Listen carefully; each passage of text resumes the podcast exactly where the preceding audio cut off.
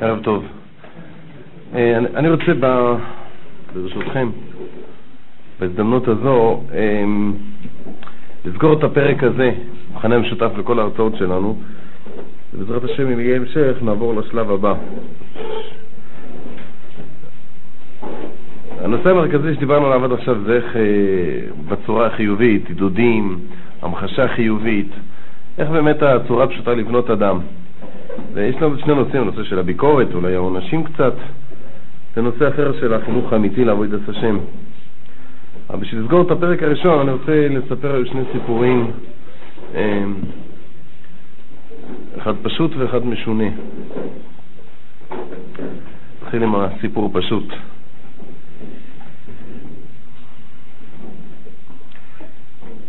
לא, יותר מעניין, נתחיל עם המשונה, יותר, יותר ברור. נתחיל עם המשונה. אז סיפור משונה, אני מעיד שהוא סיפור משונה, אבל אני מקווה שאני אצליח להעביר בו מה שאני אומר. למעשה, האמת היא שהנושא הזה של הרצאות מאוד קשה לי, לא רק בגלל, לא רק בגלל טכנית, הגלות, אולי צריך לכפר, אבל, אבל קשה לי גם בגלל שאני בתוך הלב אה, מאוד מפקפק בתוצאות. אה, באופן טבעי, אם נותנים הרצאה ויש כמה, סליחה, במחילה, כן, קצת, כמה בדיחות טובות ואיזה סיפור מעניין, וחוטייסר זה, זה מסתום, הרגשה היא טובה. אם הדברים נשמעים משכנעים, אז גם הרגשה היא טובה. אבל שינויים אמיתיים בשטח, מהפכות בשטח, נדיר שהן קורות. נדיר שזה קורה גם אם לפעמים שינוי של שבוע, שבועיים, חודש, אבל מהפכה אמיתית אה, קשה לנו לבני אדם להתהפך, גם אם הדברים משכנעים. אם מחליטים שצריך לעשות מהפכה. ועל זה אני רוצה לדבר קצת. קצת אה, אחרת, אני, אני כמובן אשתמש גם בנושא החינוך, אני גם אחזור על דברים שאמרנו בעקיפין, אבל אני רוצה קודם כל להסביר את הנקודה הזו. אחד החסרונות, הכישלונות, הקשיים הגדולים של הדור שלנו, זה כבר דיברנו על זה, שכשאדם אה, מאבד את הזהות האישית שלו, הפסקנו, לא משנה למה, שמעתי מרבי לופיאן שזה ממלחמת העולם השנייה התחיל, מאיזה סיבות שהם, ככה, היה, ככה, ככה גזרה חוכמתו. הניסיונות של דור של עקבתא דמשיחא, אחד מהם, זה שההרגשה הפשוטה שהייתה לכל יהודי, כמו שמבואר בספרים, וכמו שהעדויות שלנו, וכמו שאנחנו שומעים גם מההורים שלנו, שהיה בכל הדורות, שכל יהודי הרגיש שהוא יחיד לפני הקדוש ברוך הוא. שלמה המלך אומר, בן הייתי לאבי, רך ויחיד לפני אמי. ההרגשה הזו שהיא בסיס לגדל אדם ולגדל את השם, היא מאוד נדירה היום. אז התוצאה של זה, אחת התוצאות של זה, הרבה תוצאות. אחת דיברנו על התוצאה, דיברנו קצת על קוצק, על זה שבני אדם מקיימים את כל הדקדוקים והחומרות וההידורים שמשייכים אותם לקבוצה, אבל דברים שאפילו זה דורייסה פשוט, אבל אם זה לא אופייני לקבוצה, אז מה זה לא כל כך, לא כל כך מעניין. אחת ההשלכות שאני רוצה לדבר על זה, זה הקושי שלנו לעשות מה שאנחנו בטוחים, אפילו שאנחנו משוכנעים שזה רצון הקדוש ברוך הוא לעשות, וברור שזה הדרך הפשוט. יש שוב אה, מימרה של הקוצקר, שאמר לאדם שהוא, זה ממש רחמונס עליך, הוא אמר. אתה לא מה שאתה, אתה לא עושה מה שאתה חושב, אתה אפילו לא עושה מה שאחרים חושבים, אתה עושה מה שאתה חושב שאחרים חושבים שאתה צריך לעשות. כי הרי אתה בעצם לא יודע, אף אחד לא יודע מה אחרים חושבים. אבל כש, כשאדם נכנע לדעת הקהל, אין לקהל דעת. למה הוא, למה הוא נכנע? למה שנדמה לו שאחרים חושבים. ואחד הדברים המוזרים ביותר שקורה, זה שאנחנו, בלי לשים לב, משתעבדים, ממש מוכרים את עצמנו לעבדים, למה שנדמה לנו, אפילו לא במודע, בתת ההכרה, שנדמה לנו שמקובל היום בציבור, וכשאתה בודק את הציבור זה לא מקוים. אני אביא דוגמה מתחום אחר. עשינו פעם ועד של מנהלי חדורים בבני ברק, זה היה עוד בהוראה של הרב ווזנר, שליטה, ש... שהפסיקו את האווירה של התחרות בכמה חדורים, שזה היה, הרס כל חלקה טובה. תחרות, ש... שכולם צריכים להספיק, וכל מיני, אני לא רוצה להיכנס לזה, זה מי שיודע, יודע שהיו בזה אסונות נוראים. ואחרי שלושה חודשים אה, התחילו להישבר, נתפרדה החבורה, אחד נשבר ועוד אחד נשבר והתפרק העסק. אז עם שניים ממנהלי החדורים דיברתי. למה? הם אומרים זה לחץ של הורים. הם לא יכולים לעמוד בלחץ של ההורים. ההורים לא מסכימים לזה. רוצים שיהיה ספק, שיהיה יותר שעות לימוד, שיהיה זה, לא, לא מוכנים. אפילו שהם עצמם, המנהלים, בטוחים שזה לא דרך טובה, לא מצליחים לעמוד לפני הלחץ של ההורים. המלמדים גם סבורים שזה לא טוב הדרך הזו, אבל לא יכולים לעמוד לפני הלחץ של ההורים. אמרנו, תן, תן לי בבקשה את השמות של ההורים, אני רוצה לדבר איתם. הוא אומר, בסדר, אבל יש לי 300 תלמידים, אה, לפחות 300 משפחות, לא 300 תלמידים. זה חדר גדול. אמרתי לו, בלי רוח הקודש ובלי לבדוק את העניינים, אני אומר לך שאין לך יותר מעשר שמות לתת לי. אמר לי, מה פתאום עניין המקום אני אתן לך? נתן לי שלוש שמות, ברביעי הוא כבר מתחיל לחשוב קשה, חמישי, שישי, שביעי, הוא אומר, טוב, אני אבדוק. אני, אולי אני לא זוכר טוב, אני לא יודע, אני בלחץ. קיצור, עשה מאמץ, דיבר עם הסגן ועם המנהל החינוכי ועם המפקח ועם המלמדים, הגיע, סידר אותי ל-11 שמות. אמרתי לו, עכשיו זה מה שרציתי שתראה. רוב ההורים לא באים לבחדר, אין להם זמן, חלק בגלל שלא אכפת להם, חלק בגלל שעסוקים בדברים אחרים. יש לפעמים אנשים שהם מסכנים, קצת משועממים, קצת ממורמרים וזה, הם באים הרבה פעמים. הגמורה אומרת ששעור שבעיסה אינו בטל, מכיוון שהוא מתסיס את העיסה, אפשר להתעלם ממנו. לפעמים קורה שבציבור שלנו אחוז מאוד קטן, שהוא בכלל לא מבטא, את, אפילו לא את דעת הכל, אם הייתה דעת, ממש מנתב את כל הציבור. אז כולנו חושבים שזה מה שההורים רוצים, וכל ההורים לא מתקוממים כי זה מה שההורים רוצים, וכשאני נמצא בקשר עם הציבור, אתה שומע מה רוב האנשים רוצים, זה פשוט, הרבה דברים פשוטים, פשוטים לציבור, אבל דווקא השעור התוסס מנתב את הכל בכיוונים לא טובים. זאת אומרת, יוצא שכשכל אחד מאיתנו גם נכנע, אם כבר אין נכנע לדעת הכל, אז לציבור, לציבור שלא יבדי השם, של כלל ישראל, יש איזה חוש פנימי שאי אפשר להבין אותו. תמיד, תמיד בכלל ישראל ידעו את מי לרחק, את מי לקרב, לא תמיד ידעו להגיד איך. לא יודע אם חלק זוכרים את כל המלחמות שהיה. היו כל מיני אנשים שבאו לעזור לציבור, כלל ישראל, היה, לציבור היה חוש. אבל כנראה לא מדובר אפילו בציבור. ולפעמים, לפעמים, לא חסר שלום, לא תמיד מדובר גם בשוליים של הציבור. זה אני רוצה לדבר על זה קצת היום. צריך לדעת שיש היום לחץ, לחץ חברתי, לחץ ציבורי, נגד הפשטות, הפשטות הישרה ביותר. וכשאנחנו אנשים, אני שוב מתנצל, אמרתי בפני הצדיקים הנסתרים, מדבר אל אנשים כערכי. כשאנחנו אנשים בינוניים, אנחנו נלחצים ממה שנדמה לנו שחושבים. לא בדקנו, לא שאלנו, לא חקרנו, לא ביררנו. מה שנדמה לנו, כמו שקוצקר אמר, מה שאתה חושב שאחרים חושבים, זה מה שאתה מנתב. ואם היינו יודעים את זה, אם הייתי יודע להדיע שאני רוצה לעשות ככה, וכולם אומרים לי אל תעשה, אז הייתי בודק. אנחנו, זה נכנס לדם, אנחנו כבר מופעלים ככה, לפעמים נדמה שזה מה שאנחנו רוצים. ואז כשבן אדם צריך לשנות, יש בעיה. אז הוא ישתכנע שיותר טוב לדבר עם הילד בעידוד מאשר בביקורת. אבל ההרגשה היא שכולם מבקרים, ושחינוך זה, צריך לחנך את הילדים ככה, כמו שצריך. אם זה הרגשה, אז הוא נמצא בארבע כותלי ביתו. ואף אחד לא רואה, חוץ מהקדוש ברוך הוא, אם היה חושב עליו כמו שצריך, והוא עושה לפי מה שנדמה לו שמקובל. ו... אני לא יודע הרבה פתרונות לזה, אני אגיד לכם פתרון שאני מכיר לאנשים בינוניים כמוני. הסבא מנוברדוק היה אומר שאחד הקשיים הגדולים ביותר של אדם להשתנות זה, הוא דיבר שוב על הדורות האחרונים, זה המעמד שיש לו בחברה. כמה שזה נשמע דבר מוזר ומטופש, זה גורם עמוק מאוד באדם. וזה צריך ללכם, הוא הביא דוגמה. אני מביא דוגמה מהסוג שהוא מביא, אבל מה זה שהיה לי עם חבר. הוא מביא דוגמה אחת, אני מביא אותה דוגמה, אבל את אותו עיקרון. סיפר לי חבר טוב, הוא אומר לי פעם אחת ככה בשיחה, הוא אומר לי, תראה מה זה האדם. אפס אפסים. הוא אומר, אני לפעמים פה ושם, זאת אומרת, ראשית נכשל לדבר בחזור הסש"ץ. לדבר בחזור הסש"ץ. כן, כמה פעמים קראתי מה כתוב, משתברור כתוב איזה דברים נוראים, ופתאום תפסתי יום אחד, קראתי בספר, בדרך אגב תפסתי בעצם זה חילול השם נוירו, והחלטתי, החלטה גמורה שגמרנו, יותר זה לא יקרה לי. הוא אומר, והייתה לי החלטה, זה לא מדובר על ילד קטן, זה באמת אברך אה, עם אישיות אה, כמה במושגים שלנו, והחלטתי שממחר זהו, יש הלכה ואני לא מדבר. הוא אומר, חזור בשעת הראשונה למחרת, לא ששכחתי, בא אליי אחד מאלה שידע שאם הוא צריך לדבר בחזור השש"ץ, אני הכתובת, ככה היה מקובל, והוא התחיל לדבר איתי. עשיתי לו ככה, בעדינות. הוא אומר לי, מה קרה לך? לא מתאים לך. הוא אומר, זהו, שבר אותי.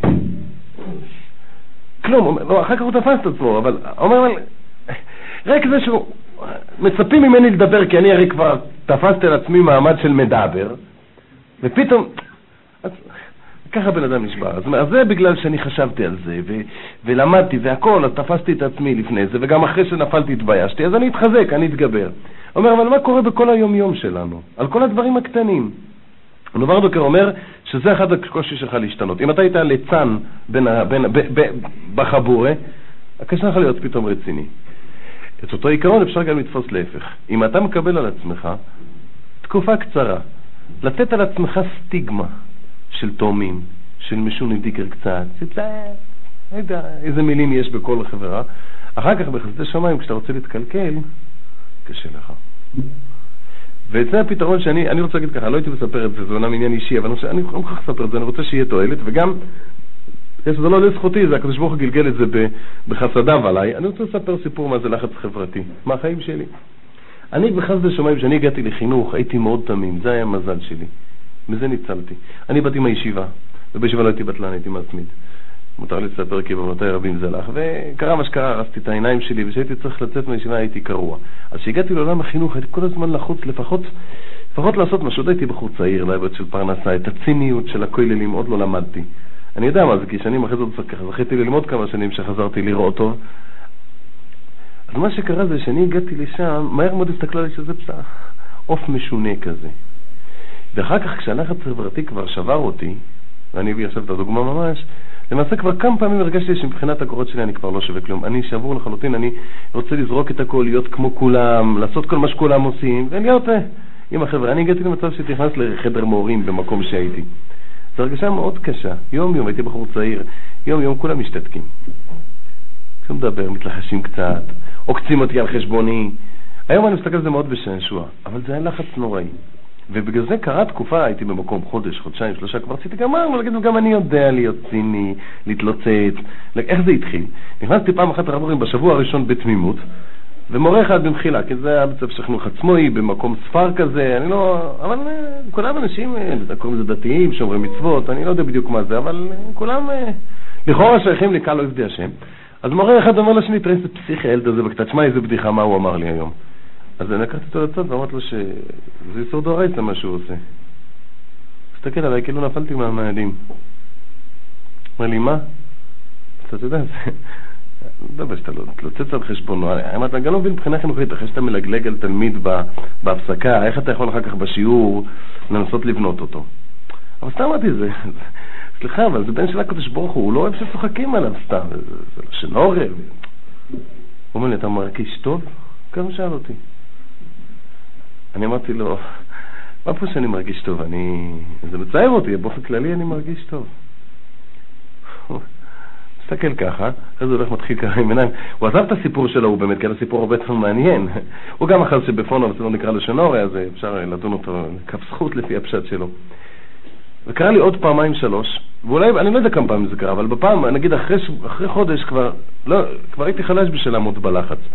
אבל אם אני הייתי מנסה עכשיו נגיד, נגיד בשביל להתחנף, נגיד להידרדר לדיוטה התחתונה ולצחוק על ילד, כבר אני לא יכול, כי... מה, אתה? לא מתאים. ואחר כך בחיים שלי, במצבים של ניסיון, זה מאוד עזר לי. אם אתה מקבל על עצמך שבוע ראשון, חודש ראשון, שהתרגלו אליך שאתה משוני דיקר, מוזר, תמים, נאיבי, קראו לי עוד מילים שלא יפה להגיד אותם בציבור, מקבל על עצמך חודש, זה הכל. אחרי זה בחסד השמיים, וזה אני רוצה להביא יום סיפור של לחץ חברתי. אני שוב מתנצל בפני ה... אני יודע שיש בכל... אני, אני יכול לדבר רק על אנשים ברמה שלי, אבל באמת אני רוצה לתאר את זה.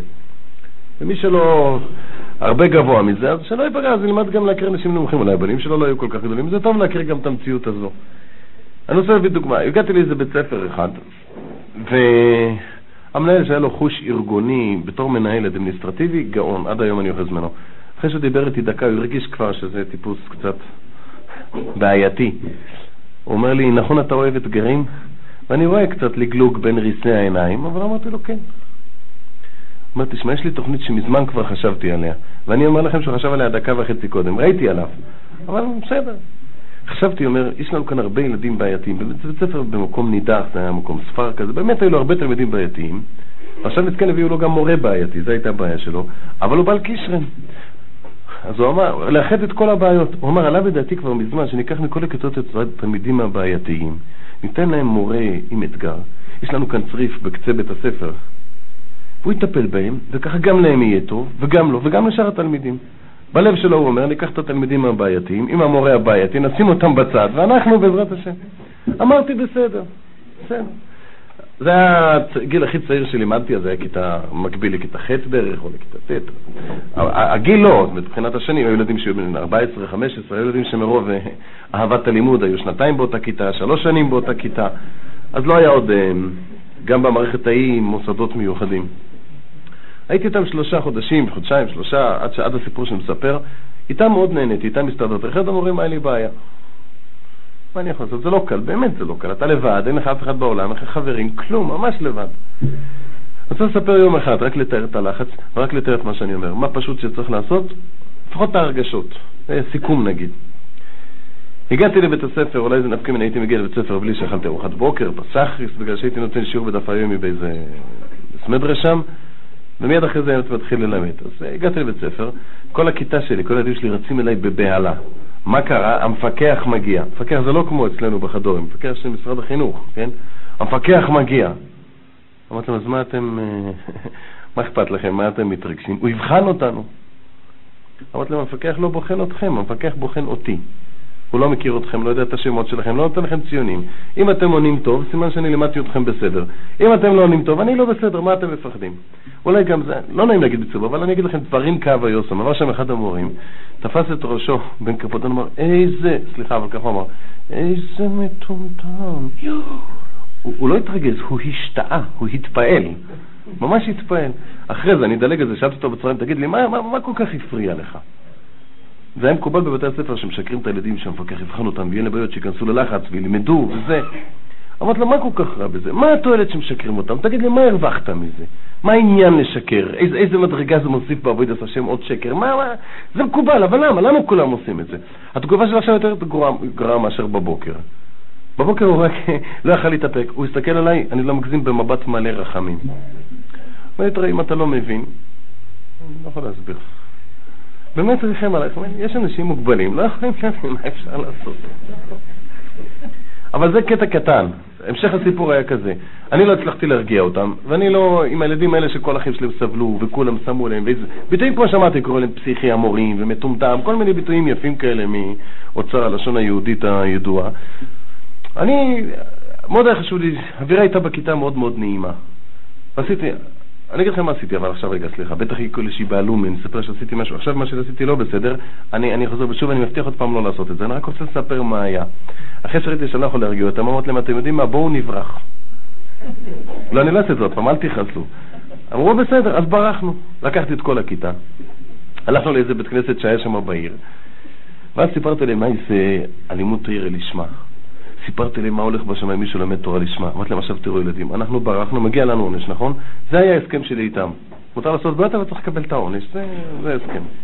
אז אמרתי להם, מגיע לנו עונש, נכון? אז עכשיו, בין כה וכה, אף אחד לא יבחן אותו על מה שעשינו. עכשיו אנחנו יכולים ללמוד משהו שלא לומדים בבית ספר, ואף אחד לא יבחן, אפילו נקבל על זה עונש, כי ברחנו, ואנחנו נהיה במדרגה של תורה לשמוע, כמו הסיפור הצדיק שסיפרתי לכם איזה סיפור מרגש. מה אתם אומרים? כן, מבסוטים. טוב, תחליטו אתם מה ללמוד. חס דשמיים, הם הביאו משנה עשר, וגם רמב"ם, הם חיפשו לפי גודל הספר, לפי זה הם הביאו לי. מצאו לי, היה שם כרך גדול כזה שהיה פעם של משנה עשר, שכולם בכרך אחד, מי שזוכר. למדנו משנה עשר שעה ורבע, באמצע שרנו והכל, היה שמחון נוירו. אני רוצה רק לספר ששנים אחרי זה פגש אותי בן אדם, היה לו כיפה על הראש, בשביל החבר'ה זה גם היה משהו, הוא אומר לי, אני במקצועי מורה לתלמוד בבית ספר תיכון. יופי. הוא אומר לי, בזכותך. אני רציתי לדעת מה אני אשם, הוא אומר לי, בזכותי, מה אני אשם? הוא אומר לי, אני בזכותך למדתי בחיים שלי שעה וחצי תורה לשמה. שנים הוא לא שכח את זה. טוב, גמרנו את הלימוד, היה אווירה טובה, ראיתי שזהו, הגיע הגבול, לא כדאי למשוך אה, מעבר למה שזה. אמרתי להם, אשרינו, למדנו תורה לשמה, עוד פעם סיפרתי סיפור, אז זהו, עכשיו מה שנקבל זה רק יותר טוב. מה שנקבל עונש, כאילו, כן? זה רק יותר טוב, בגלל ש...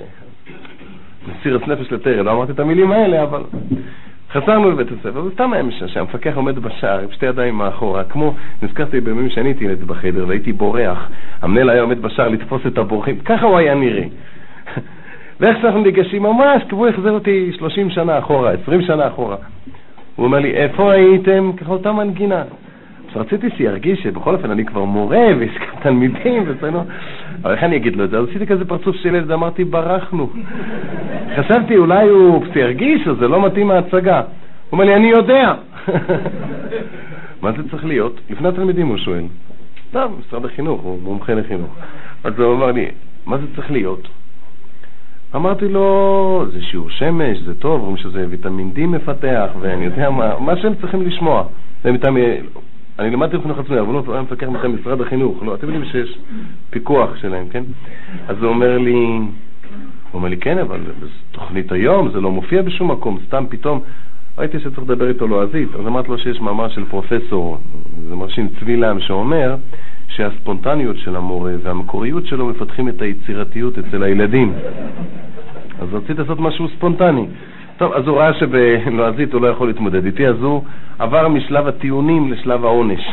הוא אומר לי, לשיעור הבא אני נכנס לכיתה שלך. זה היה פשוט לא שלמה ברחתי, זאת אומרת שאני פחדתי, אז זהו, עכשיו תקבל... למה? אני מספר גם את הקטע הזה, למרות שהוא שולי, ושאחד הדברים הכי מכאיבים, שאתה רואה אנשים שעוסקים בחינוך, עומדים מול ילדים, מול אנשים, והם לא מרגישים שהם עומדים מול בני אדם. הכל הצגה, הכל במה. כשנכנס אחר כך לכיתה המפקח, שתי ידיו שלובות מאחורה, הוא הולך ימינה ושמאלה, אמור לי כבוד המחנך. לפני שהוא פותח את הפה, אני מסתכל עליו, איפה אתה נמצא? מישהו מסריט אותך, מישהו מתעד את זה. אתה עומד מול ילדים, יש כאן נשמות, הם מוטרדים מכל מילה שלך, ואתה... מה ההצגות האלה? אמור לי כבוד, איזה עברית, כבוד המחנך. מיהו התלמיד הטוב, ככה הוא עם ידיים, הטוב ביותר בכיתתך? שאלה גאונית בדיוק לכיתה שלי. למה אתה לא חושב? למה אתה לא מסתכל? זה בגלל הכל ספרים, ניירות, מאמרים, הרצאות, יש בני אדם, יש חיים כאן. ואלה, כל הכיתה שלי, אז ילדים שכל השנים תמיד אליו אמרו, הטיפש, והזה, וההורים, ו... 15 ילדים, הוא לא הייתה צריכה 15 ילדים קוברים את הראש בקרקע, כל אחד מנסה להתחבא כמה שיותר עמוק. זה החלק שעכשיו של לחץ חברתי. לי היה ברור, כביעת בקותך, כשמש בצהריים, היה ברור לי מה צריך להגיד. כל אחד מכם ידע בדיוק גם מה היה צריך לענות לו. עכשיו אני רוצה להגיד שלא פחדתי ממנו.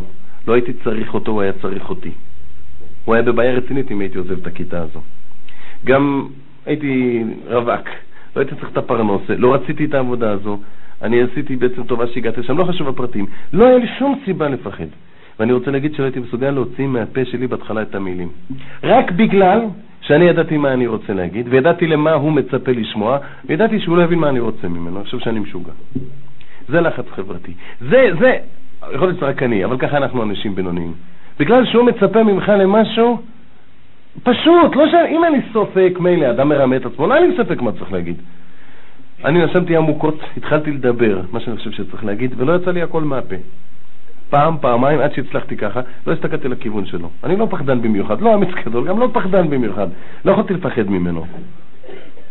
לא יכולתי להסתכל בעיניים. הסתכלתי לילד שאותו רציתי לבנות, הילד הכי מסכן בכיתה, ואמרתי, בשביל להרגיל את עצמי לדבר לפני שאני אגיע, אמרתי, אני לא יודע מי, מי הכי טוב, כי אדם יראה לעיניים. גם לא רציתי לפגוע באחרים אולי, אמרתי, אדם יראה לעיניים. אבל מה שנראה לעיני בני אדם, אני חושב שהתלמיד הכי טוב בכיתה, נגיד זה מוישה. סתם אני אומר שמשה. מסתכל על הזה ככה, בהתחלה קצת אה, בפחד, אולי אני מלגלג עליו, אבל הוא כבר הכיר אותי, אני לא יודעת אם מלגלג על תלמידים. הוא מרים את הראש, ראיתי ככה את הטיפה של תקווה בעיניים שלו, זה ממש נתן לי כוח, אבל בלי זה לא הייתי מחזיק מעמד. ואמרתי, משה, זה ילד בעל הלב הכי טוב שאני מכיר בכיתה. תמיד רץ לעזור, לסייע, בכל מקום שם יד.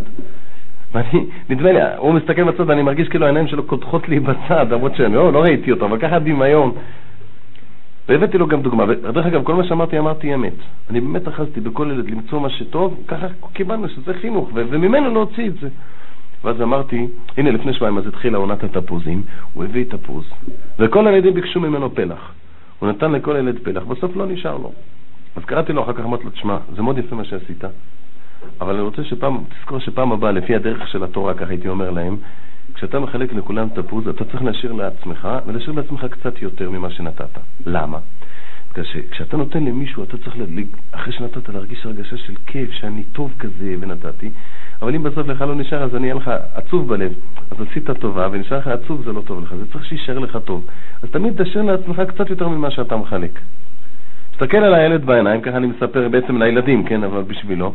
תסתכל על הילד בעיניים, בחיוך ואומר, כן, אבל מה אני אעשה? לי יותר כיף שהם אוכלים ממה שאני אוכל. וזה אמת ככה היה אצלו. אמרתי, זה לא בעל חסד? זה לא לב טוב? עם ישראל ככה, זה היה שפה כזה, לא השפה שלנו, כן? עם ישראל לא, צריך, לא, יכול, לא צריך להתברך בבנים כאלה. אחרי שהוא ככה חייב, ואז זה היה מאושר, בכה בשמחה, והילדים כל הסתכלו עליו בקינה, סוף סוף. נתן לי כבר אומץ, הסתכלתי למפקח. שנים אני מצטער שלא יכולתי אז לצלם אותו, אני לא יכול להסביר במילים מה היה הפרצוף שלו. הרשת של מבוכה, השתאות, תהייה. ככה, הוא לא ידע אם זה מין בדיחה, מין הומור יקי עקום כזה שאי אפשר להבין אותו, או, או משהו באמת לקוי אצלי באינטליגנציה, הוא... ככה, אני לא יודע, לא לתאר את זה, ככה מסתכל מה... ואני עומד מול זה ומסתכל ומרגיש, באותו רגע הרגשתי באמת מה זה האדם. הוא, הוא בעצמו, תכף אני אוכיח לכם את זה, הוא בעצמו יודע שכך צריך לעשות. ואני יודע שכך צריך לעשות, וכל בר דעת מבין שכך צריך לעשות. ואף על פי כן, למה אנחנו לא עושים את זה? למה לא עושים את זה? אנחנו לא באים להגיד חידושים, לא באים להגיד מברכות, באים להגיד א' ב' פשוט. למה לא עושים את זה? כי נדמה לנו שנדמה לכולם שכך לא עושים. יכול להיות שכולם יודעים שלא עושים ככה בגלל שאנחנו עצבניים, בגלל שאנחנו זמן, בגלל שאנחנו... יכול להיות, אבל ככה נדמה. אחרי שנייה הוא מצליח, אחרי שהוא נרגע מההלם, אז הוא, ש... הוא הצליח להוציא מילה מהפה, אז הוא אומר לי, כן, אבל מי הכי טוב באמת? אם אני הצלחתי לעשות משהו, אז הוא מיד צריך לקלקל את זה, מי הכי טוב באמת? אני לא נתתי לו לקלקל. אמרתי, כמו שאמרתי, אני לא יכול לדעת באמת, כי אדם יראה לעיניים. זאת אומרת, פירשתי את הדברים שלו אחרת כדי לתקן את זה, אבל לפני שימשיך להסביר לי עוד פעם ויקלקל, אמרתי, אבל אם המפקח מתכוון במישור אחר, זיק של תקווה ניצות בין ריסי עיניו הכבויות. כן, כן, מישור אחר, או, מתחיל לקלוט את זה, בכל אופן מעודד לראות איך האטימות אה, נסדקת וקצת אינטליגנציה בוקעת מחשקת הבערות. לי, כן, כן, מישור אחר, וכזה שמחה וכזאת תקווה. ושוב, וכל שלב, כבר עשיתי ידי חובה, נכון? עשיתי לילד אחד חסד. אני יכול, ממש יש חשק, חשק, דחף, אני לא יודע יותר את זה. ממש חשק, היה לי חשק ללכת, ועכשיו לדבר בשפה שלו, וזהו, לפחות עשיתי את שלי. אבל היה לי עוד ילד אחד נורא מסכן, שרציתי גם אותו לפחות לבנות. אני את כולם עודדתי, אבל כשאתה עושה את זה לפני המפקח, בעיניים שלו, אז אמרתי עוד פעם אחת תקבל, אחרי זה אני אחזור לתקן ואני אהיה רשע כמו כולם. בינתיים, בינתיים נעשה משהו. אז אמרתי לו, יש לי ילד אחר שקוראים לו אמנון. והילד הזה כבר הרים את העיניים וכולם הסתכלו עליו כבר. ואני לקחתי לפי הכי מסכן והסגן שלו. הוא אומר לי, הוא אומר לי, מה, מה, מה, מה, אמרתי, מה הסיפור של אמנון? אבל לא, שוב, לא יכולתי להסתכל לו בעיניים. אמרתי, אמנון, זה ילד שיש לו חוש אחריות, נאמנות. רגע, וכל מה שאמרתי, אני אומר, זה אמת גמורה. רק לא בדיוק מה שהוא רצה לשמוע. כל משימה שהוא מקבל, הוא ממלא אותה על הצד הטוב ביותר. בעיקר זה היה על חשבון השיעור, אבל זה לא גיליתי לו. אבל באמת היה כזה. אמרתי, והוא תופס שנאה, אמרתי, אני, אמרתי לו, אני, אני מקנא בו. אם לי היה את התכונה הזו, הייתי איש הרבה יותר מוצלח ממה שאני. אני מתחיל דברים ואין לי חשק ומתייאש, והוא לא. אבל, וכל דבר הבאתי דוגמה, זה סתם בעיקרון, כשאני מעודד, רוצה לעודד טוב, אני מביא הוכחות. אמרתי, פעם אחת התקלקלה לנו הדלת של הכיתה, המנעול התקלקל, והאיש תחזוקה ניסה לתקן את זה, באמת ניסה לתקן את זה, שעתיים, ולא הצליח. אני תמיד שולח את הילד הזה לעזור לו, בגלל שקצת להוציא את המרץ שלו. לא הצליח, התייאש, אמר שאין ברירה למרות התקציב העלוב, הוא הולך לקנות מנעול חדש, והילד הזה נשאר עם הדלת הזו ארבע שעות ותיקן אותה. והוא ככה מבסוט, שמח, וככה, ואני מסתכל על המפקח, מסכן, באמת בן אודון החבר אומר שזה לא צריך לבקש מחילה, אבל מה אני אעשה? הוא אומר לי, כן, עכשיו הוא הבין כבר שזה באמת לא עניין של חוש הומור, אלא ליקוי יסודי בתפיסה. אז הוא אומר לי, כן, אבל מי הכי טוב בלימודים? והוא חותך את זה, הבהרה, הבהרה, שאולי אנשים קשיי, עם קשיי הבנה לאט לאט כותבים, בלימודים. ואני באותו רגע ש... אני כבר החלטתי, אמרתי בליבי, שבפעם השלישית אני כבר נכנע לו. אחרי שהוא אמר לי, בעל לימודים, כמה אני כבר יכול לשחק. ואני זוכר שאותו רגע הרגשתי שאני נכנע לו, ו... אבל כאן בא אולי, אולי זה גיא והיצר, זה דווקא בגלל שנכנעתי לו, וזה כל כך לא הוגן, וזה כל כך לא בסדר, אז איזה יצרור נכנס בי. החלטתי שאני אמשיך בקו, שאני חושב שצריך לעשות. אמרתי לו, בלימודים, מי שהתקדם השנה הכי טוב, אני חושב שזה יצחק. הוא התקדם השנה הכי טוב, היה לו ממוצע של 46, הגיע ל-60 כמעט, הוא התקדם הכי טוב. עוד ילד אחד שמח, והוא מסתכל עכשיו כבר הציניות, הוא כבר התייאש ממי להסביר לי, הוא אמר לי, אני רואה שהשנה ארגנו כאן כיתת מצטיינים. ככה עלה, גבוז, ככה נשפך מהשפתיים. אמרתי לו, כן. השנה קיבלתי כיתת מצטיינים. אני גם כל הזמן לימדתי את הילדים, קודם קוראים להם הכיתה של המפגרים או של המופרעים, ואני אמרתי להם, זאת שאנחנו כיתת המיוחדים, ושלא יגלו את זה להם, שלא יקנו. וככה הייתי מכר לכל אחד מה מיוחד, אבל לי הוכחות גם. הנה, זה הכי טוב בזה. כל יום כמעט היינו מדברים על ההוכחות שאנחנו המיוחדים. אז אה, הם האמינו שאמרתי את זה. אמרתי, כן, זה השנה יש לנו כיתת מצטיינים. כל אחד מצטיין במשהו. ממש יחיד, אני חושב אולי אפילו בעם ישראל, אני לא יודע, אבל אם זה יתפתח בעם ישראל. ואז ככה, כבר כאשר עבדתי, עבדתי, החלטתי שכבר, מה אכפת לי לעשות חסד עם כולם? נרוויח כמה דאורייסס, זה דאורייסס חסד. אמרנו את זה פעם, זה צריך לזכור שאתה עושה חסד, נותן אדם, זה חסד דאורייסס, מה אכפת להרוויח עוד כמה דורסת לפני שאני אחטוף את העונש? אז למדתי בפתח, כשאני עומד בפתח אה, קשה לצאת, הוא לא יכל לברוח, ואז אמרתי, ואז אמרתי לו, על כל ילד מה שיש לי להגיד, דברים אמיתיים, זה כזה וזה כזה וזה כזה, גמרתי את הרשימה, ואז אה, שחררתי אותו, מסכן, נמלט על נפשו, וה... והילדים, איזה כיף שכל אמא והוא מפקח, בחיים שלהם לא היה כזה, אני... טוב, הם לא ידעו מה מחכה לי, אמרתי, טוב, תשמחו אתם לפחות, אני אהיה נציג שם. טוב, נגמר השיעור, הגיעה הפסקה, עכשיו אני מתנצל ומסביר כבר שלא אכלתי ארוחת בוקר וכבר עבר, ובארוחת עשר ברחתי, אז נשאר לי, כבר הגיע 12. הלכתי לחדר מורים, הייתי בטוח שעכשיו קוראים לי אל הגיליוטינה בשביל... חיכיתי דקה, שתיים, שלוש, ארבע, חמש דקות, אף אחד לא קורא לי. אמרתי, בטח התייאש ממני לחלוטין, והוא רוצה לדבר איתי בכלל. נטלתי ידיים, התחלתי לאכול. התחלתי לאכול, באותו רגע בדיוק מגיע רץ בהול מחדר מורים, המפקח מקרא, קורא לך. אני, זה באמת תמימות שלי. למה היה פשוט שאני צריך לבוא בהתנדבות ולשים את הראש שלי שם בשביל... אני חשבתי שצריך לקרוא לי, בסדר, זה באמת תמימות, אני לא הבנתי. אבל הייתה לי בעיה, אני נטלתי ידיים ואכלתי, וגם ככה אי אפשר לצאת, אבל ודאי שזה שני ביטנים. אני אגיד גם את זה, כי, זה, כי אני חושב שחלק מהציניות קשור גם לזה. אז אמרתי, אני מדבר בית ספר חרדי, כן? לא יודע מה זה בדיוק, אבל אתם מבינים, כן? אמרתי למורה שאני נטלתי ידיים, אני עשיתי המויצי. הוא לי, המפקח קורא לך. זה באמת אני דיבר. אני, אני חשבתי שיש... אני לא למדתי בישיבה מה הדין בהלכוס מפקח עם שולחן, עם, עם ברכת סמוזן, מה? גם המפקח היה מתאם, דרך אגב, גם המפקח היה חובש כיפה שומר מצוות. כי משרד החינוך היה שולח לעצמי גם מפקחים שומרי מצוות. אני אמרתי לו, תסביר לו שאני, הוא צריך להבין, כן, אני הצלתי ידיים, אני מסתכל עליי ככה והולך. זה, זה, זה כן, זה כן התמימות שלי, אני, אני לא ידעתי שיש אנשים כאלה ש... שיש להם מין שיטות מסוימות בהלכה ככה שהם... זה תמימות, בסדר, לא משנה. אבל המפקח כבר לא יכול לחכות, הוא הגיע בהול מחדר המנהל, לא יכול להתאפק. וזה החלק, אחד הקטעים הקשים שמדבר על לחץ חברתי. כל המורים באו, יש סוף סוף, היינו שם בדרום, הכל יבש, קצת משהו לחיות את השממה. זה היה מעניין, הוא היה קצת קטן קומה המפקח, וכל המורים אצלי בראשים הגלגלים חייכניים, גלגלים כאלה, דוחפים אחד לשני במרפקים. איזה הרגשה זו, לשבת לבד. עם הסנדוויץ' המסכן שלי, שהיה בטח לא, לא, לא לבלוע ולא... לא... הוא מתעצבן, והם מבסוטים. והמנהל, מה שהציל אותי זה היה המנהל, אבל זה אני אסביר אחר כך. אני זוכר שבאותו רגע אני טיפוס מאוד לא אלים. מה שתחשק לתפוס את השולחן, להעיף אותו דרך החלון.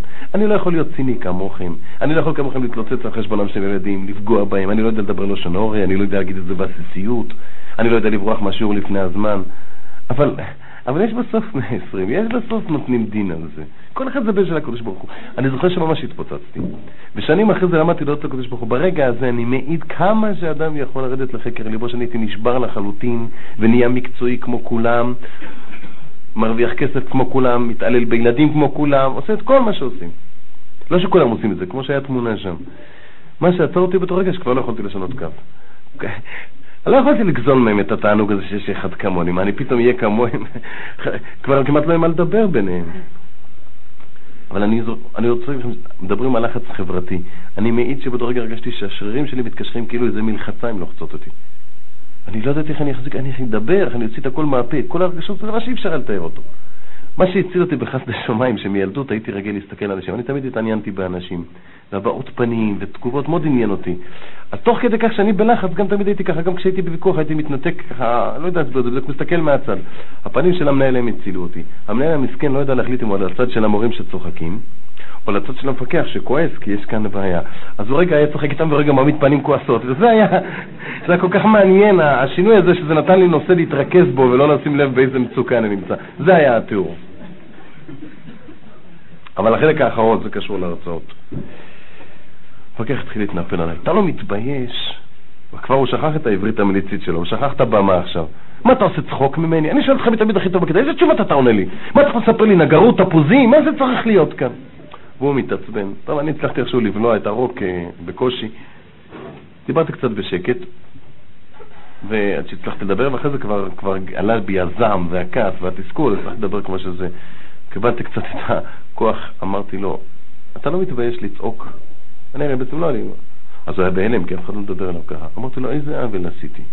כשאני באתי לעבוד כאן, אתה שאלת אותי מה המוטו החינוכי שלך, הזמין אותי למשרד שם וזה, מה המוטו החינוכי שלך? חשבתי שלא מרגיש טוב, מה אתה רוצה ממני? אני הולך לטפל בילדים, אתה שואל אותי מה המוטו החינוכי שלך, זה היה בריאיון הראשון. אבל הוא רוצה מוטו חינוכי, תן לו. אני אמרתי לו, תראה, אז אמרתי לו, דיברתי איתו בכוונה עברית פשוטה, לא מליצית, רציתי אולי שיחזור לקרקע. אמרתי לו, תראה, אנחנו אצלנו חינוך זה מחלה תורשתית. זה גנטי אצלנו, אבא שלי וסבא שלי, דורות כבר. אז לפני שהלכתי לעבוד בחינוך, שאלתי את אבא שלי, מה אתה יכול לתת לי איזה, איך אומרים, עצות זהב? אז אבא שלי אמר לי, אני יכול להגיד לך רק שני כללים. השאר אתה צריך ללמוד לבד. שני כללים אני אגיד לך. כלל ראשון, שאסור שיהיו כללים בחינוך. זה כלל ראשון. אסור שיהיה כללים. כלל שני בכל זאת, אסור שיהיה כללים, אבל צריך את הכלל השני גם לתת. כלל שני אני אגיד לך, בחיים שלך שלא תעיז להעביר ביקורת על ילד, לפני שאתה רואה את החיובי שבו, ודאגת שגם הוא יראה חיובי. וכך הוא אמר לי, תן לך, זה מיתוס, זה אגדה שביקורת משנה אנשים לטוב. אין לזה בסיס. ביקורת מייאשת, מתסכלת, משכנעת את האדם שהוא לא שווה, כמו הרמב"ם שהזכרנו שהראה לי אז, שכשיחשוב אדם עצמו חסר ופחות, לא יקטן בעיניו חיסרון שיעשהו. אין דבר כזה. איי, בכל אופן רבי סואל סלנטר אומר שצריך, הוא לא אשם בזה, אבל קודם, הוא אומר כן. אם בן אדם 90% שמח במה שהקדוש ברוך הוא נתן לו, מרגיש שהוא חשוב לפני הבורא כבן יחיד, מרגיש שהוא שווה, אחרי שהוא נהנה מלהיות טוב, אתה מראה לו שכאן זה לא כל כך טוב, אז מתחשק לו לתקן את זה, כי הוא כבר למד לטעום כמה כיף זה להיות טוב, אז מתחשק לו להיות קצת יותר טוב. אז אם אתה רואה שהתלמיד, אתה רואה בו את החיובי, ואתה מצליח לשכנע אותו לראות את החיובי שבו, אז תגיד לו, תספר את זה, תהיה עוד יותר חיובי, זה נתקבל על הלב. אבל כשאתה מביא ביקורת, סתם, זאת אומרת, אין לזה שום תועלת, ומילא גם אסור על פי דין, כי אסור לצייר אדם לשווא, אל תעשה את זה. כך אמרתי לו. כשאמרתי את זה למפקח, אני דיברתי בגוף שלישי, אמרתי, מה המפקח, הגיב המפקח, זוכר? זהו זה. זו נקודת המוקד. ככה, כמו בהספד, הספד שלהם, לא, אצלנו מדברים אחרת קצת. זו נקודת המוקד. ועל זה אמר המקרא, המקרא הם מתכוונים פסוק, רק זה יותר מדעים, זה מקרא. ועל זה אמר המקרא, אם תוציא יקר מזולה, וגם זה עושה עם האצבעות, זה פירוש רש"י כזה, אם תוציא יקר מזולה, כפי תהיה. אני מאוד אוהב שבקש, שמדברים כמה שעושים את זה עם פסוקים, זה בכלל אה, תאוות, תאוות נפש, אבל אמרתי לו, לא זה מה שעשיתי, ויותר גרוע מזה.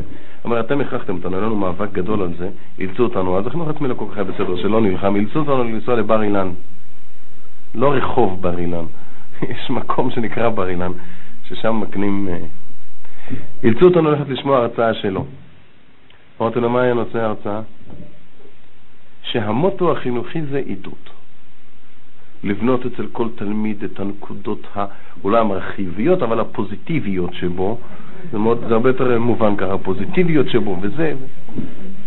אמרתי לו, לא זה מה שעשיתי. על מה הייתה ההרצאה, ומה הייתה בכיתה, ועל מה הכף? ואני כעסתי. ואז הוא אמר את משפט המפתח לחיים שלי. המוטו שלו. אמר לי, מה אתה מבלבל את המוח? אני מדבר איתך על מה שקרה בכיתה. מה אתה מבלבל את המוח הזה מההרצאות? אני מדבר על מה שהיה בכיתה. למדתי סוד. אתה מבלבל את המוח בהרצאות, זה מאוד נחמד, מה זה קשור למה שקורה בבית? ומה הפתרון? אמרתי, זה רק הפתרון. אני חושב, אני מדבר על אנשים בינוניים, אני שוב מתנצל, אבל ברמות שלנו, מי שלא מוכן לקבל על עצמו, להחליט עכשיו חודש, כן צודק מה שאומר בחינוך, לא צודק מה שאומר בחינוך, זה בכלל לא שייך, לא שייך לפרשה בכלל. מי שלא מוכן לקבל על עצמו, אני החודש הזה מוזר ומשונה. כל הקהילה שלי, וכל החוג שלי, והחברוסס שלי, והחברות שלי אצל אנשים, ידעו שאיפסה קצת, אה, קצת תומים כזה, לוקח דברים ברצינות, לא מכין טוב את החוברת זיכרון לעילוי נשמתו, כמו שדיברנו פעם. מי שמוכן לקבל על עצמו זו חודש, לפחות יכול לבוא לבית דין של מעלה ויגיד ריבונו של עולם, גם אם טעיתי, זה השכל שנתת לי, ולפי זה טעיתי. איך מותר לנו לטעות? הקדוש ברוך הוא עשה אותנו בן אדם. אבל מה נגיד כשעשינו את הטעויות של השני? זה הקדוש ברוך הוא, נתת לך את השכל שלך לעשות את הטעויות שלך, למה עשית את הטעויות שלו? זה הבעיה. אין דבר כזה לא לטעות. אין מחנך שלא טועה, כולנו טועים. אבל אם כל אחד לפחות טועה את הטעויות המקוריות שלו, אז קודם כל מתוך מגוון טעויות אפילו לא היה נהרס, כי אמרנו שבשביל להרוס צריך עקביות. אבל כשכולם עובדים אותם טעויות על אותם ילדים זה כבר נהפך לכתחילה. זה מה שיש לי להגיד, זה אמרתי, זה סיכום. אם הדברים הללו צריכים להביא איזושהי תועלת, ואני חוזר על מה שאמרתי גם בהקדמה, אני מתחנן שלא תעשו שום דבר בגלל שאני אמרתי. שום דבר. אם הדברים שכנעו, כל מה שאני מנסה זה, היום יש סיסמה להחזיר עטרה ליושנה. אני רוצה להחזיר עטרה ליושנה. אם ההיגיון מצדיק את זה, אם החוש, אם, אם, אם, אם הלב היהודי שלנו אומר שזו האמת, צריך לעשות את זה בגלל שזה מה שהוא אומר. אבל זה גם שאלה מה אני מדבר בציבור, זו קושייה שאין לה תירוץ, אבל לא צריך עכשיו להיכנס לזה.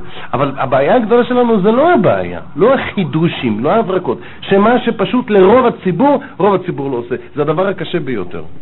ואני אומר שוב, אני בקשר עם הציבור שנים, ואני אמרתי נכנס מהדלת האחורית, לא מהדלת של הדסטרי קפילוץ' והפרק וכל ההצגות, אני מהדלת של החדר כביסה. אני נכנס בכל המשפחות, אני רואה את הבתים. אני גם, אנשים מדברים איתי גלוי, כי אם כבר באים אליי, מסכן מי שבא אליי, הוא כבר אומר מה שיש לו. רוב הציבור לא סבור, לא טועה בעקרונות של החינוך. לא טועה בשכל, לא טועה במחשבה, טועה בלמייסה. זה נכון, לפעמים כשבאים אליי בשיחה ראשונה, צריך לתרץ, ו... לא עבדי זור, אלא תן להם את הארץ, אז יש כבר... אבל ביסודו של דבר כל אחד מבין. כל אחד יודע שכשהוא עצבני וצועק על ילד שלו הוא לא בסדר. רק אחר כך צריך לצדק את זה, אז מסביר שהוא צריך ללכת עם הילדים קשה. אתה לא, אני אומר לו, אני בעיניים שלך רואה שאתה לא מאמין למה שאתה מדבר, אז אל תספר לי סיפורים. צריך ללכת עם ילדים קשה, לא צריך ללכת קשה. אנשים מחפשים, שמאל דוחה וימין מקרבת. אז אין בעיה, מי שבא לו להכניס אגרופים עכשיו, שמאל דוחה. בא לו לקנות ממתקים, אולי גם לקחת מייסר, ימין מקרבת. לא, יש הרבה שקוראים, זה טוב, אחת המעלות של הילדים זה שאנחנו לא התבגרנו לגמרי. לפעמים רוצים לקנות לעצמנו צעצועים ולא נעים, אז קונים לילדים. יש איזה רווח. אבל כתוב שמאל דוחה כמה קילו, כתוב ימין מקרבת כמה גרם, אלה שזה אצלם זה קילו וגרם, זה סתם סיסמאות. זה בעצם המלחמה. המלחמה האמיתית אמרנו, דיברנו על גילוי חיבה, זה נושא אחד. הנושא השני של המלחמה האמיתית זה לעשות מה שאנחנו טועים, לא צודקים. מה שאנחנו, לא מה שנדמה לנו שאחרים חושבים עלינו. זה בעצם היסוד. נקודה שנייה עכשיו אני רוצה להגיד, ושזה יסוד. אמרתי כבר פעם שנייה, פעם קודמת, שאני לא מדבר חסידס, לא רואה את עצמי זכאי, לא, אני לא רוצה שתיפגעו שאני אמ, מתעסק בזה למי ש, שבאמת חסידס אצלו זה דרך בעבודת השם ולא רק איך לא להיות, יש בשביל רק לא להיות ליטבק, אז מילא הוא חוסיד. זה מיילה בפני עצמה, אני מודה, אבל זה לא... אצלנו גם, אני אגיד משהו אכסידס.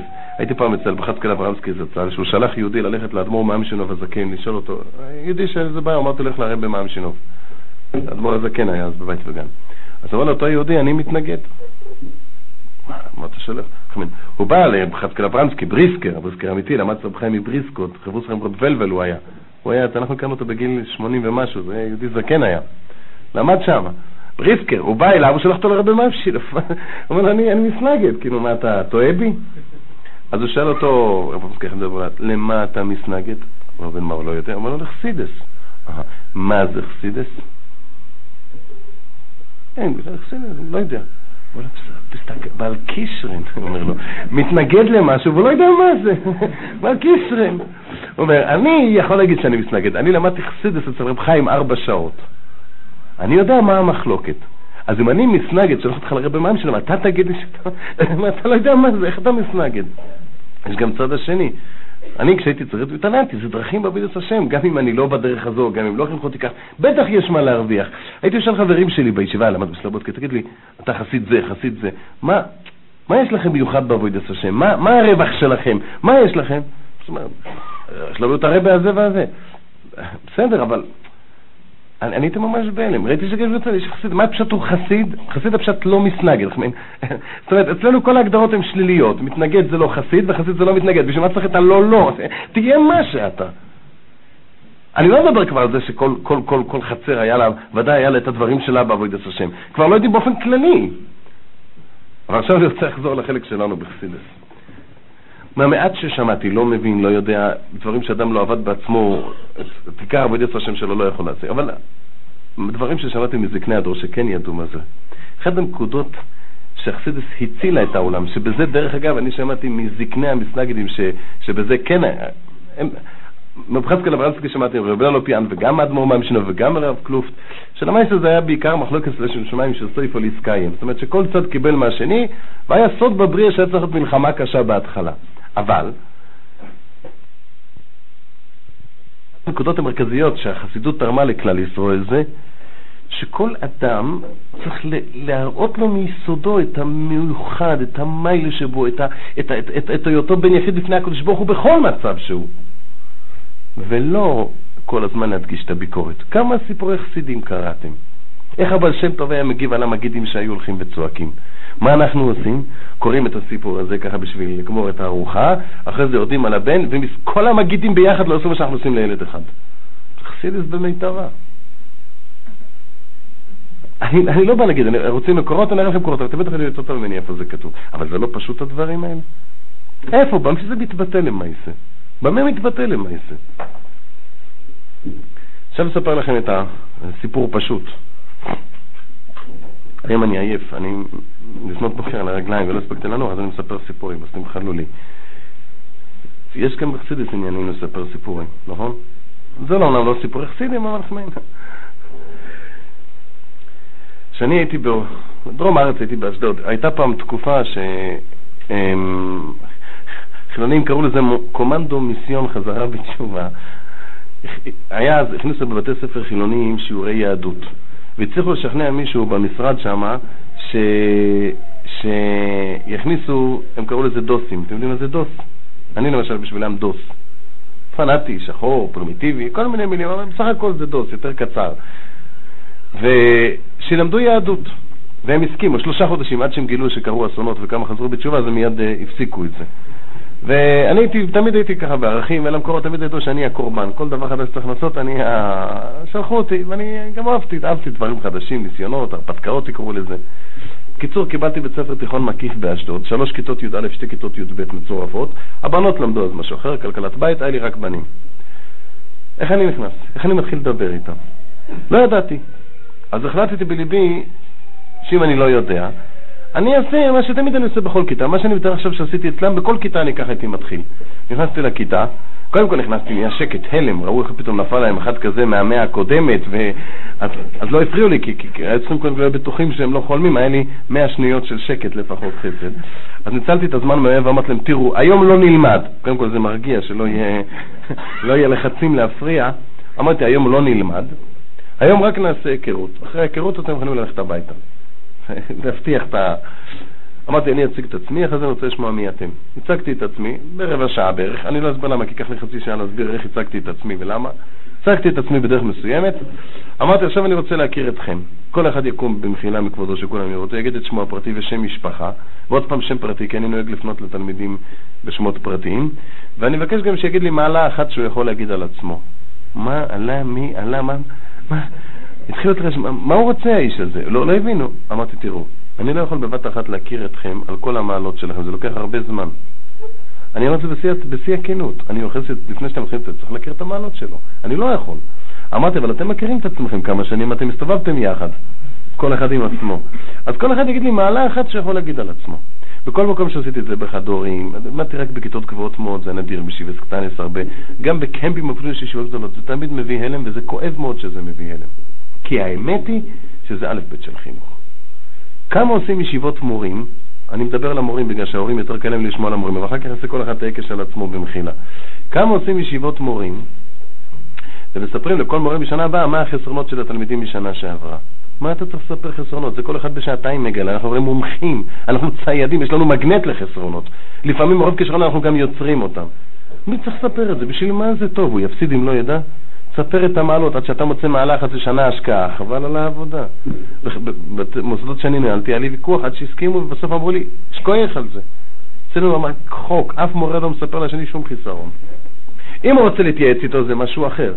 אם לא, תסלחו לי שאני אומר את זה, זו גם שאלה של השנורה, כי אם אין בזה תועלת, בשביל מה אתה מספר? זה אסור לספר לשנורה על ילדים, הם גם בני אדם.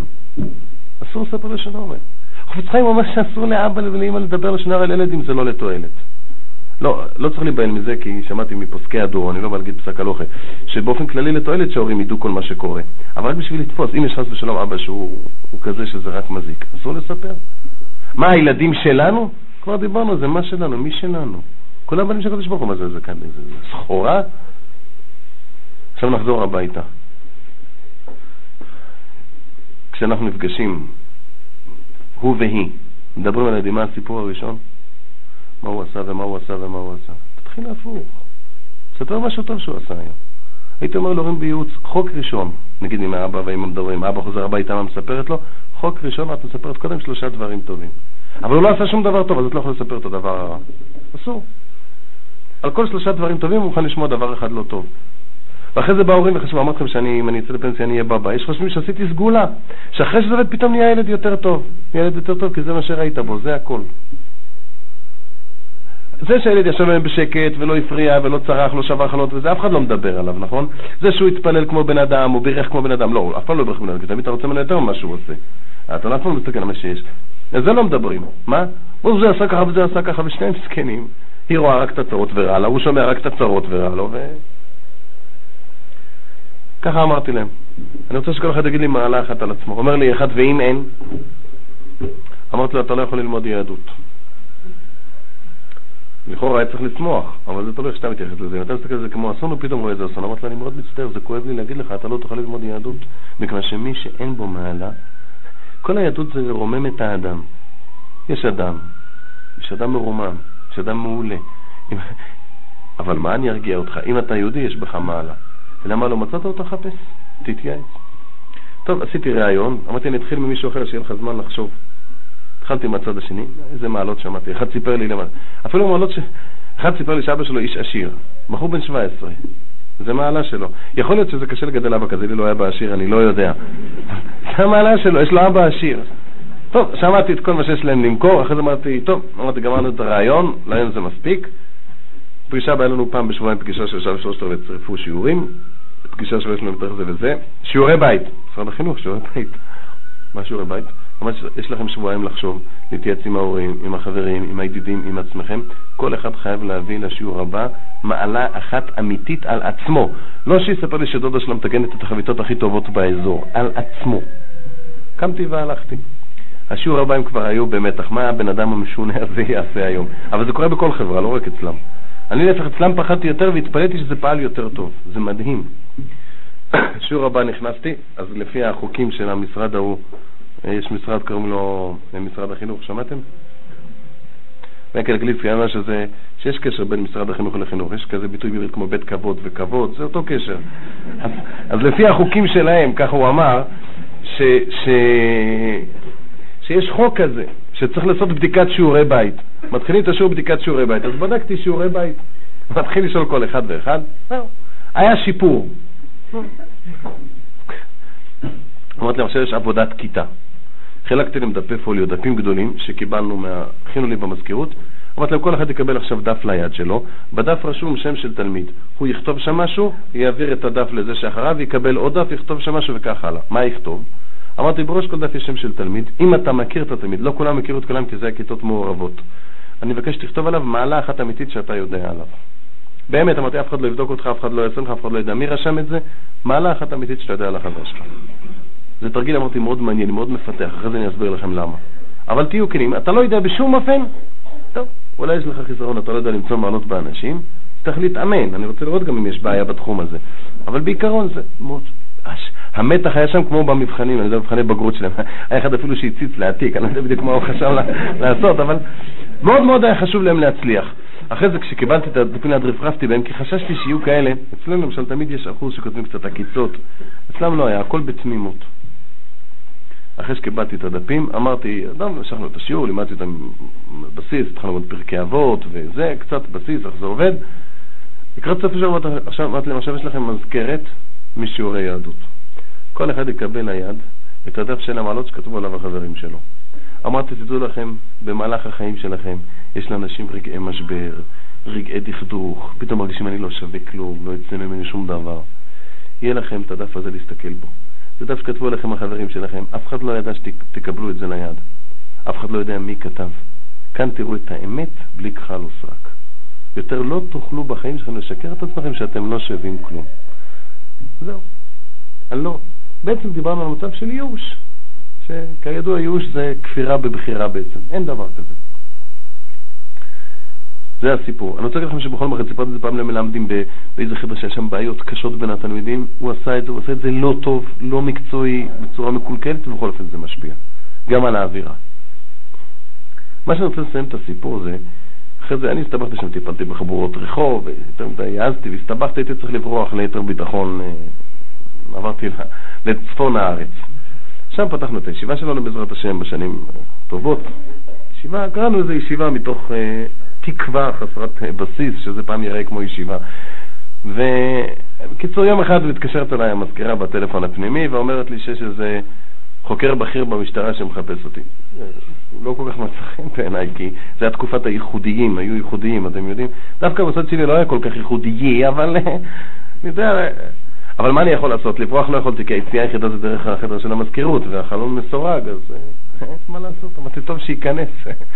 הוא נכנס ואומר לי, אתה יחיל יעקובסון? מודה באשמה, אני לא, לא, לא, תוקף כזה, אני לא יכול להכחיש, כן, כן. הוא אומר לי, שנים אני מחפש אותך. מה עשיתי? אני שדדתי, גזלתי, גזלתי. האמת היא שלא סתם פחדתי, כי כשאתה עובד עם חברות אחרות, אתה תמיד הולך שם על הגבול המאוד מסוכן. אבל, אבל שנים הוא מחפש אותי, מה אני מחפש אותך שנים, ממש שמח, הגיע כאן לתחנת המשטרה בזיכרון, פתאום עלה השם שלי בגלל איזה תיק שטיפלתי בו, משלנו, ואתה לא זוכר אותי? אני למדתי אצלך באשדוד. מה לימדת אותנו? אבות, אבות, נכון? שאלתי אותה אם רוצה לשתות כוס מים, כי אני רציתי לשתות קצת, אה, להירגע. אבל הוא לא, לא היה צונן, אני יכול לעשות. טוב, הושבתי אותו וזה אומר לי, טוב, אתה לא יכול לזכור אותי, אתה יודע מה שזה עשה לי? הוא אומר, הפכת את החיים שלי, הפכת את החיים שלי. אני אראה לך. הוא מוציא, יש לו מקטורן שחור כזה, הוא הולך כמו, כמו שצריך לפי הסיפורים. מוציא ספר טילים כזה קטנצ'יק, הוא אומר את זה אני מאז, מאז, יום אחד לא עזב אותי. יום אחד, אבל לא זה העיקר. פותח בפנים, מוציא דף מקופל ואומר, אתה יודע מה זה? זה הדף של המעלות שכתבו עליו החברים שלו. הוא אומר, כשאני קיבלתי את הדף הזה, אני אגיד לך מי אני הייתי. אני הייתי ג' בסן סימון. אני אתן לכם רק קצת תודעה ישראלית מפותחת. היו, בזמן שהייתי באשדוד, היו בערך חמש קבוצות של חבורות רחוב. אז שניים טיפלו, ישיב ישר אחד ועוד אני, שניים של משרד הסעד, אחד עובד צבאי, והייתה קבוצה אחת שאף אחד לא התקרב אליהם. קראו להם קבוצת סן סימון, זה היה בית קפה ששם התרכזו, והמבוגרים שהפעילו אותם היו אלה ששלטו בנמל, שמי שמבין בביזנס, בעולם התחתון, זה מרכז התעשייה. אף אחד לא התקרב אליהם. עכשיו, היה שם מחולק בזמנו בקבוצה הזו א', ב', ג', זה היה ידוע. היה ראש החבורה, היה משהו מהם, המחוקק שלהם. ג' זה היה מוציא לפועל, ברור. מוציא לפועל. אומר, אני הייתי ג' בסן סימון. אומר, אותו יום שהגעתי לבית ספר, הוא הגיע על טוסטוס, לא שלו כמובן. הוא אומר, הגעתי על טוסטוס. הוא אומר, אתה יודע שבגלל הפתק הזה שקיבלתי אותו, אני חזרתי הביתה ברגל. סגרתי את הדלת, הוא אומר, ושכבתי ובכיתי שעות והתהפכתי. למה? הוא אומר, תראה, אני לא רוצה להיכנס עכשיו לעניינים חינוכיים, מה קרה לי, איך גדלתי. אבא שלו בעצמו גם היה עבריין לא קטן, אבל אומר אבא שלי, אבל היו הרבה עבריינים שגידלו את הילדים שלהם טוב, אנחנו עזרנו, באמת עזרנו להם, היו הרבה שלא רצו שהילדים שלהם ילכו בדרכם. אבא שלי אמר שהייתי בן שלוש שקורא לי ג'וק, מגעיל. כל החיים ידעתי שאני דחוי. הדבר היחיד שלי זה העוצמה, הכוח. הוא אומר, אתה יודע מה עשה לי הפתק הזה? הוא מראה לי שם, הוא מדבר איתי עכשיו, זה היה, אני חושב, 12, 13 שנה אחרי, אחרי הסיפור. הוא עכשיו מדבר אותי לא דמות בעיניים. הוא תראה, מישהו כתב, מעבר לכל הקשיחות, יש בו טוב לב פנימי. הוא אומר, פעם ראשונה בחיים שלי שמישהו אמר לי דבר טוב עליי. אמרו לי החבר'ה מול הפנים, כי פחדו ממני. אומר. בחיים שלי לא קיבלתי עידוד אמיתי, ושפחדו ממני. כולם התחנפו לי. הוא באמת בריון מפחיד וגם באופי שלו, ככה היה נראה. הוא אומר, תראה, ואחרי זה הוא אומר, תראה, על זה בכיתי הכי הרבה. הוא אומר, תראה, זה מוכתם בדמעות. הוא אומר, אתה לא תמיד הייתי בחור בן 17, עם תיקים, עם עבר, אני לא רוצה להגיד לך מה עברתי. הוא אומר, לקחתי את הדף הזה כמו שיהודי דתי לוקח ספר תהילים. כך הוא אומר, וחיבקתי אותו ונישקתי אותו, לא תאמין. חשבתי שאני משוגע, אני, בשעה שעשיתי את זה חשבתי שאני משוגע. כאן היה כתוב, הוא אומר, כאן היה כתוב, למרות הכל, נגיד שקראו לו אבנר, היה כתוב שם פרטי, לא קראו לו כך, אבנר בחור ישר בטבעו. הוא אומר, שתי דברים קרו לי. לא רק זה, פתאום תפסתי שאכפת לי להיות ישר. למה? רק בגלל שאמרו לי את זה. הפך לי את החיים, אבל תראה, עכשיו אני הפכתי את המטבע, בכיוון השני של התמונה. אני באמת כאן חושב שצריך להרחיק נדוד עד אשדוד, לחפש עבריינים ולהתחיל לתת להם uh, מעלות. אבל צריך להתחיל בבית שלנו. הסיפור הקיצוני הזה לא בשביל להגיד שזה צריך לצפות, כי אני מבטיח לכם שעשיתי את זה 300 פעם לפני שהיה לי סיפור אחד. כשאני מביא לציבור סיפורים תמיד זה מטעה. כי אני אוסף מכל החיים האפורים סיפור ועוד סיפור ועוד סיפור, מביא את כולם בהרצאות, זה נראה איך החיים שלו מרתקים. רוב הזמן זה משעמם ומעצבן ומתיש, ויש גם הרבה כישלונות. כל סיפור הצלחה שאני מספר לכם, בממוצע 90 כישלונות יש לי בצד בלקס. לא מספר את זה, אבל זה, זה שייך לי, זה משהו בסוד אישי. לא זו הנקודה שאני רוצה, אני משתמש בסיפור בשביל להמחיש אם זה עושה כך לבן אדם אחד, תבין מה זה עושה לבן שלך כשאתה לא יודע. בחינוך בדרך כלל הקדוש ברוך הוא לא מזכה אותנו לראות את התוצאות, לא יודע, זה סוד. תחליט. אחרי שהחלטת להיות תמים ואתה מוכן להיות משנה, בוא הביתה, קח כל ילד, תחפש מה המעלה שלו. מה המעלה של הילד הזה? אחד הדברים שהכניסו בנו, מה אני אגיד לכם, האווירה הארורה, אני אסור לדבר ברגש כי אני מתפרץ לפעמים, של המודרניות, טומאה, זו המילה הכי עדינה שאני יכול להגיד עליה, זה שאדם אינטליגנטי, אדם חכם, זה אדם שמוצא רוע. כן. הם, הם, הקליפות הצליחו להפוך את הרוע למעלה. תסתכלו, איך רואים על מישהו שהוא שרפר? כשהוא מוצא את החסרונות, שתופס את הנבזות בכל מעשה, נכון? שאי אפשר לעבוד עליו. איך נראה לכם אחד שדן כל אחד לכף זכות? שבכל מעשה של שאני מוצא את אתה תמים כזה, מיימר, נכון? תראו מה הכניסו לנו. אנחנו פעם אמרנו שהמלחמה עם הציונות נגמרה. אני אגיד לכם משהו חריף, אני לא בטוח מי ניצח. זה הכניסו בנו הציונות. וזה אנחנו חושבים שהבעיה של הציונות זה כן, כן ידבר ככה, כן ידבר ככה. תראו מה שהם הכניסו בנו. זה כל כך אנטי-יהודי, שעומד יהודי, שכל הצורה שלו זה יהודי, כל, כל ההופעה שלו זה יהדות. אני נראה מולו, באמת, בעל תשובה, תחילת הדרך, עוד מהסס. לא, אין לי בעיה עם זה, ככה קיבלתי מאבותיי, לא זה הבעיה. אני אומר, זה, אבל זה כואב פי שתיים, אתה רואה יהודי שכל ההופעה שלו זה כולו יהדות, בהתנהגות שלו. הוא מרגיש טוב רק כשהוא מוצא רוע, רק כשהוא מוצא חסרונות. אצל מי? אצל הבן שלו. אתה יודע שאתה דן לכף זכות, דנים אותך בשמיים לכף זכות. אתה רוצה להיות אינטליגנטי, למצוא חסרונות? בביזנס של יש אינטליגנטים עוד יותר. והם ימצאו חסרונות במה שאתה עושה.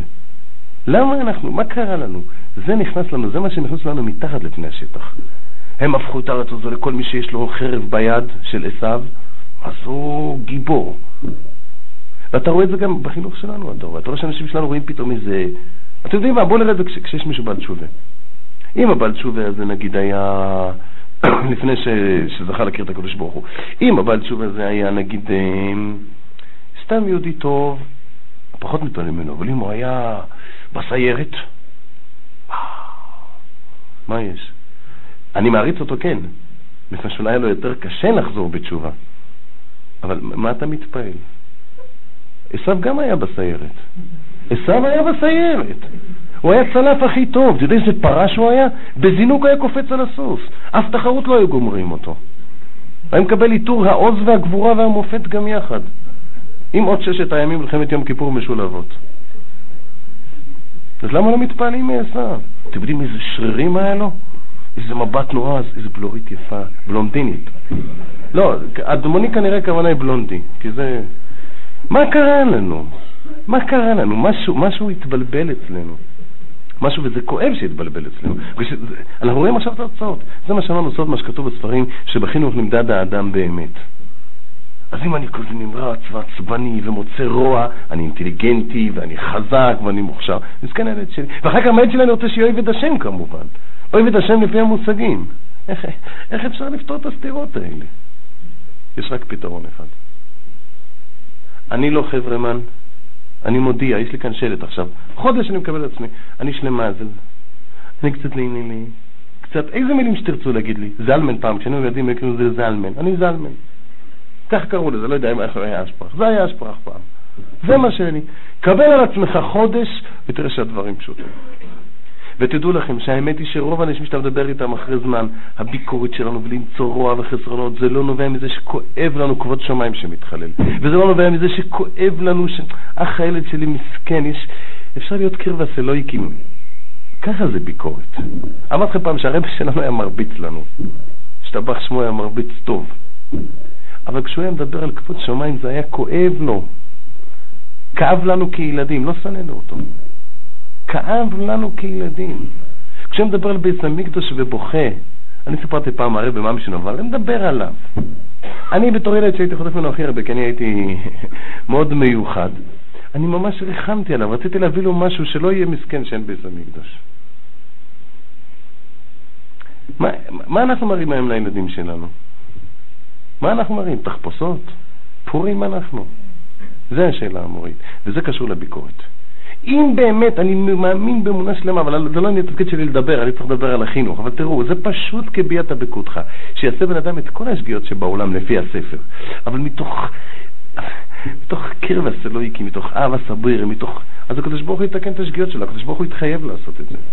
אבל אנחנו לא זה ולא זה. אנחנו כל כך גדולים בעבודת השם, רוצים שיפצו אותם, ואנחנו מחנכים אותם בדרכים אם אדם אומר ביקורת לילד שלו, אני, אני שמעתי גם גדולי עולם שאומרים ביקורת נוקבת, שלפי כל כללי החינוך אסור כך להגיד לילד, זה מטיל עליו רגשי אשם, זה מדכא אותו.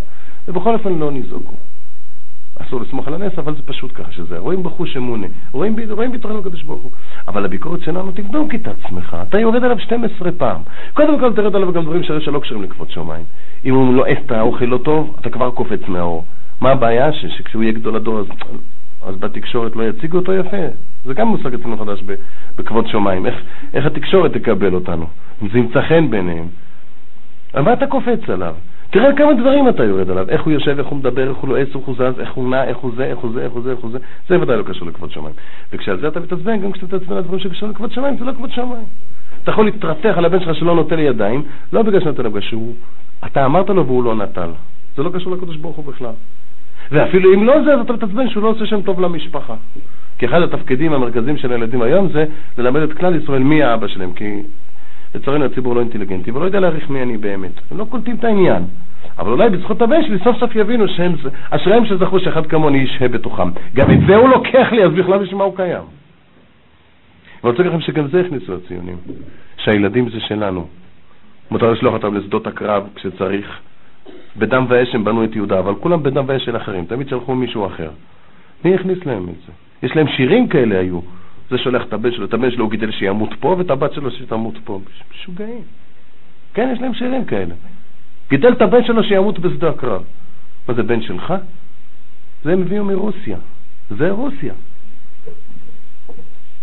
ואנחנו, מה אנחנו עושים? לוקחים את אותה כפירה, את אותה רוח טומה, את כל השקרים הנוראים המזעזעים האלה, מלבישים להם קפוטה, קפלוש, מלבישים להם פייס, ומגיירים אותם. זה אפילו לא גיור קונסרבטיבי. מה עשינו מהם? הילד שלי, שאומר לי, אבא, אני, אין מה להגיד. אני הבאתי את הדוגמה הזו, אבל זו דוגמה אחרונה. יש לו טיינעס על הבן שלו זה וזה וזה. אחר כך סיכמנו שהבן שלו לא מתאים בחדר הזה, יותר טוב לו בחדר הזה. אני לא יכול. תבין, המשפחה שלנו, מקובל וזה, לא, לא שייך שאני, הוא לא יכול מבחינה ציבורית. אני, אני לא מתכוון, צריך לצעוק את השנה, תגיד לי, אתה, נטרפה עליך דעתך? אתה מקריב את הילד שלך על קורבן אדם על מזבח המשפחה? אתה, אנחנו משוגעים אנחנו? הילד הזה שלך, אבל לא תתפוס ילד מהרחוב, תגיד לו, עכשיו אני מתעלל בך, אני מדכא את היכולת שלך להתפתח, אני הכל, בשביל כבוד המשפחה. שאתה משוגע. אבל כשעושים את זה לשם שמיים, הכל בסדר. יותר כבר לא לעבוד לשם שמיים. אמר לי פעם, אמרתי לכם איזה חזון איש כששאלתי איפה השמיים, סיפרתי לכם, הייתי זה, אחד מתלמידי החזון איש, סיפרתי שם שאלה איפה השמיים. הייתי אצל אחד מזקני תלמידי החזון איש, ובא לעבוד אבא, אבא כזה, שגם דיבר שוב, בשם שמיים, בשם שמיים, כל הזמן, הכל, הכל אנחנו מתעללים בשם שמיים. אז הוא שואל אותי, איפה השמיים? אותי הוא שואל. סליחה, מה הפשט? אבל איפה השמיים? הוא אדם מאוד uh, מעמיק, אז אני התפשתי להגיד לו ככה, כי זה פרימיטיבי קצת, זה רק באופן יחסי, זה הרי... אמרתי לו, במשל אומרים שזה אומר לי, לא, לא, לא השמיים האלה, האחר, השני. אני אומר לו, מה זה השמיים השני? הוא אומר, יש עוד אחד. אני לא יודע מה הרב אומר. הוא אומר, אני בטוח שיש עוד אחד, לא יכול להיות שלא. אמרתי אני באמת לא מבין. הוא אומר לי, תראה, הדור שלכם עושים הכל לשם שמיים. אני רוצה לדעת איפה זה, גם אני רוצה ללכת לשם, לראות מה מחלקים. אולי זה כדאי, אני לא יודע. הכל לשם שמיים. לפחות תפסיק עם הרמאות הזו. זה בעצם סוד הדברים שאני רוצה להגיד. אחרי כל הדיבורים וכל ההסברים, כל התועלת בזה זה רק בשביל להחזיר, איך אומרים, לעמוד פעם מול המראה שלנו, לראות את האמת כמות שהיא. עכשיו הבעיה היא למעשה. הבעיה למעשה, הבעיה למעשה, זה ללכת להגיד פרק תהילים. ולהתפלל לקדוש ברוך הוא שייתן לי אומץ לעשות מה ש... מה שהקדוש ברוך הוא רוצה ממני לפי השכל שהוא נתן לי, ולא לפי הדעת הקהל המטורפת ש... ש... שגם חדרה אלינו, אנחנו לא חיים בחממה. ואחרי זה לעמוד מול המיטה של הילד שישן, ולבקש ממנו מחילה על כל השגיאות שעשינו, לא בפה אם אתה מפחד. לבקש מחילה, ולהגיד לו, אני הבנתי שאתה לא, אני, אתה לא הבן שלי, ואין לי שום זכויות עליך, יש לי רק חובות עליך, אתה בן של הקדוש ברוך הוא, ואשראי שזכיתי שאתה בידיים שלי, ואני אשתתף את עצמך את המקסימום שטוב לך לכבוד שמיים. ואז, פחות ביקורת, פחות עצבים, פחות זה, כבר לא צריך להרצות בחינוך. בעזרת השם בפעמים הבאות אנחנו נדבר על הביקורת, על התדמית העצמית, נמשיך להצטעצע בנוסחאות אה, מקצועיות ולעשות רושם, אבל זו האמת. תודה ולילה טוב. שלום, כל הלשון מפיצה תקליטורים, ובהם שיעורים במבחר נושאים, במחיר 2 שקל לתקליטור, מכיל 40 שעות שיעור, כמו כן תקליטורי DVD המכילים כ-330 שעות שיעור. ניתן להזמין תקליטורים או תקליטורי DVD במשרדי כל הלשון 02-581-6622 או בכתובת דואר אלקטרוני cd-kolhl.com. אם ברצונכם לפתוח תחנה להטענת נגנים או להפצת תקליטורים, תוכלו ליצור קשר עם משרדי כל הלשון. ניתן לקבל בדואר אלקטרוני או בפקס את רשימת השיעורים הקיימת בכל הלשון. לקבלה בפקס, הקישו 03-617-1111,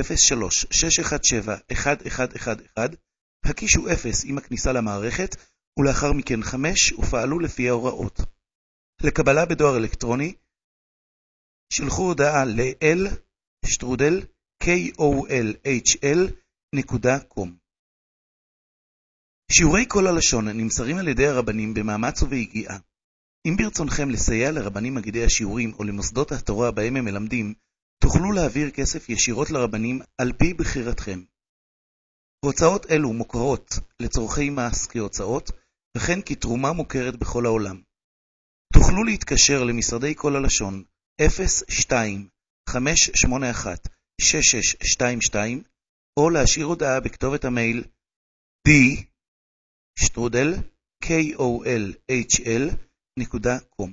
תודה וכל טוב.